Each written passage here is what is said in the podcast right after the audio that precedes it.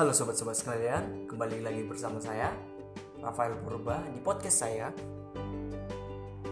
Pada podcast kali ini saya ingin berbicara mengenai uh, beberapa fasilitas atau beberapa pekerjaan atau beberapa kegiatan atau beberapa uh, media yang membantu kita yang uh, menurut saya sangat keren yang dulunya tidak ada tapi sekarang wow hampir semua orang mengenalnya atau hampir semua orang mengetahuinya atau hampir semua orang memilikinya di handphone mereka.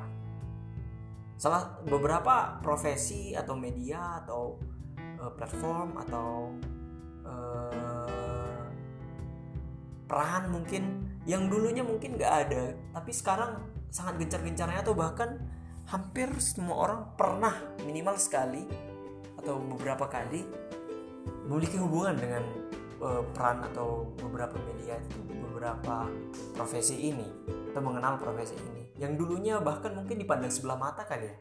Nah langsung saja ya beberapa yang menurut saya sangat keren atau mungkin profesi yang sangat keren itu yang pertama itu saya list adalah pertama adalah influencer.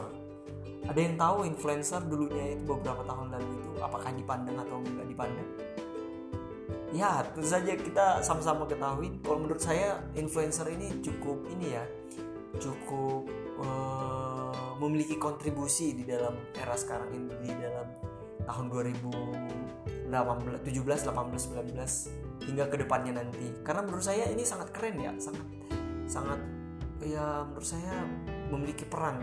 Mengapa saya sebutkan demikian? Karena bisa kita lihat contoh-contoh uh, orang-orang yang memiliki followers uh, ratusan ribu atau bahkan jutaan di media sosial mereka mereka memiliki power. Influencer itu memiliki power di mana mereka bisa menginfluence orang dengan sesuatu yang mereka sukai atau sesuatu yang mereka concern atau sesuatu yang mereka yang menarik menurut mereka. Bayangkan saja saya pernah mendengar di mana seorang influencer yang memiliki followers banyak bisa dibilang ratusan ribu uh, tidak menyukai uh, suatu restoran mungkin. Suatu restoran atau produk makanan di suatu restoran. Bayangkan saja dengan sekali post atau dengan sekali membahas sesuatu itu restoran itu di dalam media sosial mereka banyak sekali orang yang e, sebetulnya mereka tidak begitu mengenal e, restoran ini tapi mereka justru meninggalkan restoran itu. Bisa dibayangkan seberapa powerfulnya influencer ini seberapa e, berpengaruhnya suatu influencer itu dan di bagian uh, positifnya juga bayangkan ada belakang belakangnya saya pernah dengar seorang influencer yang uh, peduli dengan gempa di suatu daerah gitu. Nah dengan memberikan postingan di dalam uh, media sosial mereka untuk menggalang dana atau menggalang bantuan dalam beberapa jam saja dia sudah mengumpulkan uang ratusan bahkan uh, ya ratusan juta gitu hanya dalam beberapa jam bisa dibayangkan kekuatan dari seorang influencer itu. Jadi menurut saya ini cukup menarik. Dan bahkan menurut saya dalam beberapa tahun belakangan ini orang bahkan tidak melirik atau orang bahkan tidak tertarik kali untuk menjadi seorang influencer. Tapi bayangkan sekarang orang berlomba-lomba ingin menjadi seorang influencer atau bahkan memberi pengaruh. Bahkan untuk dalam kampanye belakangan ini pengaruh influencer menurut saya cukup besar juga di dalam di dalam pemilihan uh, presiden dan wakil presiden di negara kita di Indonesia ini. Karena menurut saya uh, kekuatan mereka itu cukup signifikan bisa mengubah orang lain. Apalagi orang yang sudah menjadi fans atau tergila-gila dengan seorang influencer. Bisa saja dalam sekejap mereka bisa langsung diarahkan terhadap suatu produk atau terhadap suatu kegiatan atau terhadap suatu uh, proses gitu kira-kira. Jadi menurut saya itu sangat-sangat menarik kemudian yang di belakangan ini yang cukup uh, keren menurut saya cukup menarik adalah adanya uh, dropshipper dan reseller. Dalam dropshipper atau reseller. Bayangkan saja dalam beberapa tahun yang lalu di zaman yang berbeda dengan jam zaman sekarang di mana pada saat itu belum ada dropshipper dan reseller di mana mereka harus membeli dulu ke kota atau mungkin ke tempat retail atau mungkin ke uh, yang bisa dibeli dengan harga jauh lebih murah, kemudian dibeli dalam jumlah banyak, dibawa, diangkut, didistribusikan ke daerah mereka, kemudian dijual kembali. Proses resellernya ada sebagai seperti itu. Tapi dengan melakukan reseller atau dropshipper uh, di zaman sekarang ini sangat-sangat mudah bahkan saya lihat uh, ada beberapa toko-toko online yang cukup melihat produk yang menurutnya bakalan laku dijual uh, di di suatu platform atau di suatu uh, marketplace kemudian dia melakukan promosi di marketplace-nya sendiri. Ketika ada orang yang ingin membeli dia tinggal mengorder dan mengirimkan dalam namanya atau da dalam nama tokonya sendiri. Bahkan dia sedikit pun bisa saja tidak pernah melihat barangnya itu. Mengerikan bukan? Di zaman sekarang bayangkan anda memiliki uh, suatu jaringan dalam distribusi atau dropship ataupun reseller dan sukses oh, menurut saya sangat-sangat menarik sangat-sangat baik dan sangat-sangat keren kalau menurut saya di zaman ini. Bayangkan kalau kita tidak berada di dalam uh, tidak menjadi seorang pemain di dalamnya. Sangat sia-sia bukan? Suatu platform atau suatu uh, media pada saat ini yang sangat-sangat bahkan gratis. Tokopedia, Bukalapak, JDID, Shopee dan lain-lain sebagainya. Bisa dimanfaatkan untuk untuk uh, ke depannya terus kemudian yang menurut saya yang sangat menarik atau yang sangat uh, mengejutkan menurut saya adalah munculnya uh, platform Gojek atau uh, Grab yang di mana memfasilitasi adanya uh, GrabFood dan GoFood. Wow. Bayangkan di negara kita ini di negara berkembang di Indonesia uh, GoFood itu sudah mulai menjamur GoFood, GrabFood mulai menjamur di mana ini sangat difasilitasi bayangkan orang bisa mengorder makanan dengan sangat cepat. Dengan sangat cepat uh, bahkan dibanjir dengan promo-promo juga. Dibanjir dengan uh, fasilitas-fasilitas. Bayangkan saya memesan makanan sekarang kebetulan saya misalnya ingin makan martabak. Martabak misalnya. Nah ketika saya ingin makan martabak kemudian saya tinggal search di uh, dawai saya kemudian saya uh, cari yang namanya martabak apa gitu kemudian saya tinggal order. Kemudian setengah jam kemudian makanan saya akan sampai di tempat saya. Segampang itu. Bayangkan saja segampang itu. Dari segi penjual misalnya dari segi penjual. Bisa saja mereka tidak punya outlet. Rumahnya dijadikan sebagai uh, dapur untuk menjual GoFood atau GrabFood misalnya. Dalam mereka bisa menjual sambil santai-santai kan? Sambil duduk terus tiba-tiba ada orderan mereka tinggal masakkan kemudian mereka tinggal siapkan kemudian mereka kirimkan melalui GoFood. Keren bukan? Kemudian ada beberapa uh, uh, platform lagi yang menurut saya sangat menarik yaitu Traveloka baik kan?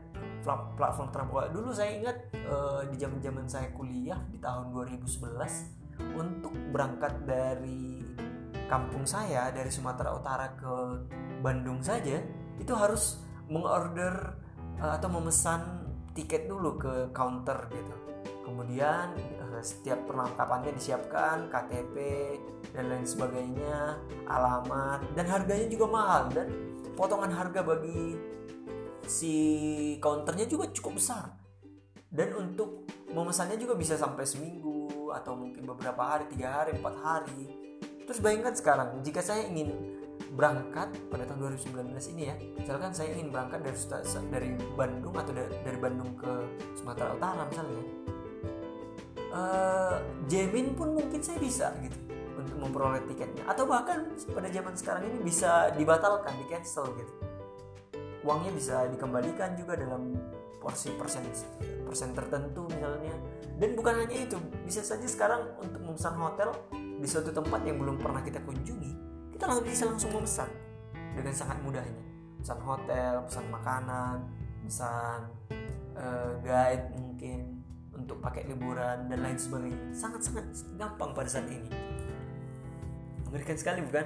Kemudian hmm, ah iya memesan tiket juga memesan tiket.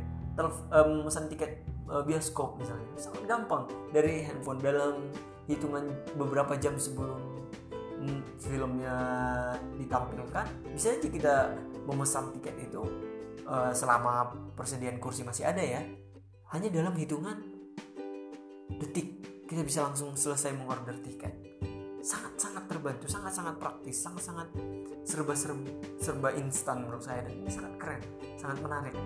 Dibandingkan dengan zaman dulu untuk pergi ke suatu tempat memesan tiket juga cukup lama belum lagi antrian dan lain sebagainya. Kemudian sekarang yang menurut saya yang cukup cukup menarik perhatian adalah di zaman saya pada saat saya masih SMA mau ke perkuliahan masuk ke perguruan tinggi itu kan uh, saya dulu harus bimbingan bimbingan di beberapa bimbingan bimbingan kita sebut saja GO mungkin atau SSC di zaman saya di tahun 2011 dan banyak bimbingan-bimbingan lainnya dan itu harus dilakukan uh, itu dilakukan uh, dalam periode waktu yang cukup lama dengan guru-guru yang tersedia kemudian membayar paket bayaran tertentu untuk memasuki kelas kemudian untuk antri untuk mendaftar dan lain sebagainya waktu saya di kampung ya. Nah pada saat ini udah ada ruang guru. Wah sangat keren menurut saya. Di mana kita bisa belajar online atau mungkin untuk berlangganan bisa juga membayar dalam beberapa jumlah uang tertentu yang tentunya lebih murah ya. Dan kita bisa langsung diajari secara online. Dan kita bisa mengajukan pertanyaan dan bisa mendapatkan fasilitas-fasilitas bundel tertentu untuk pelajaran tertentu untuk beberapa pelajaran yang sangat susah mungkin bisa lebih dengan metode yang lebih baik akses buku akses pelajaran ada uh, di internet sangat-sangat banyak sangat-sangat dipermudah dan menurut saya itu sangat-sangat loncatan yang sangat jauh dari zaman-zaman di, mana pada eranya dahulu itu untuk saya untuk mencari buku saja sangat susah. Karena jumlah toko buku aja sangat jarang. Bahkan Gramedia sangat jarang di zaman saya dulu untuk mencari buku yang tergolong bagus. Sekarang tinggal download tinggal cari search download ada yang free ada yang berbayar juga dan macam-macam dan itu menurut saya di zaman sekarang sangat-sangat eh, tersedia. Segala sesuatunya sangat tersedia. Pertanyaannya adalah apakah kita bisa memfilter? Tantangannya pada saat ini menurut saya adalah apakah kita bisa memfilter setiap informasi itu? Artinya semua memang penting tapi apa yang paling penting bagi kita? Bisa kita filter untuk uh, bisa menambah nilai bagi diri kita menambah pengetahuan yang berguna dan lebih memfokuskan apa nih kemampuan yang ingin kita capai gitu. Nah pada podcast ke depannya saya akan mencoba untuk uh, men menjabarkan atau mendeskripsikan mengenai kemampuan-kemampuan apa nih yang paling dicari di uh, zaman sekarang ini. Kira-kira itu dulu untuk hari ini. Tetap semangat.